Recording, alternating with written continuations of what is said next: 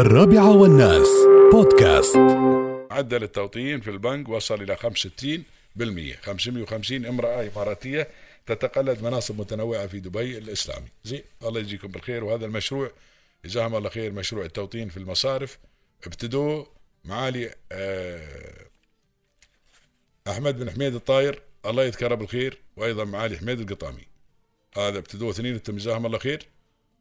كانت البداية وانطلقت الحمد لله رب العالمين وتوظفوا كثير من أبنائنا وبناتنا في القطاع المصرفي. ولا زالوا الحمد لله رب العالمين. آه هني وجزاهم الله خير وفي ميزان حسناتهم.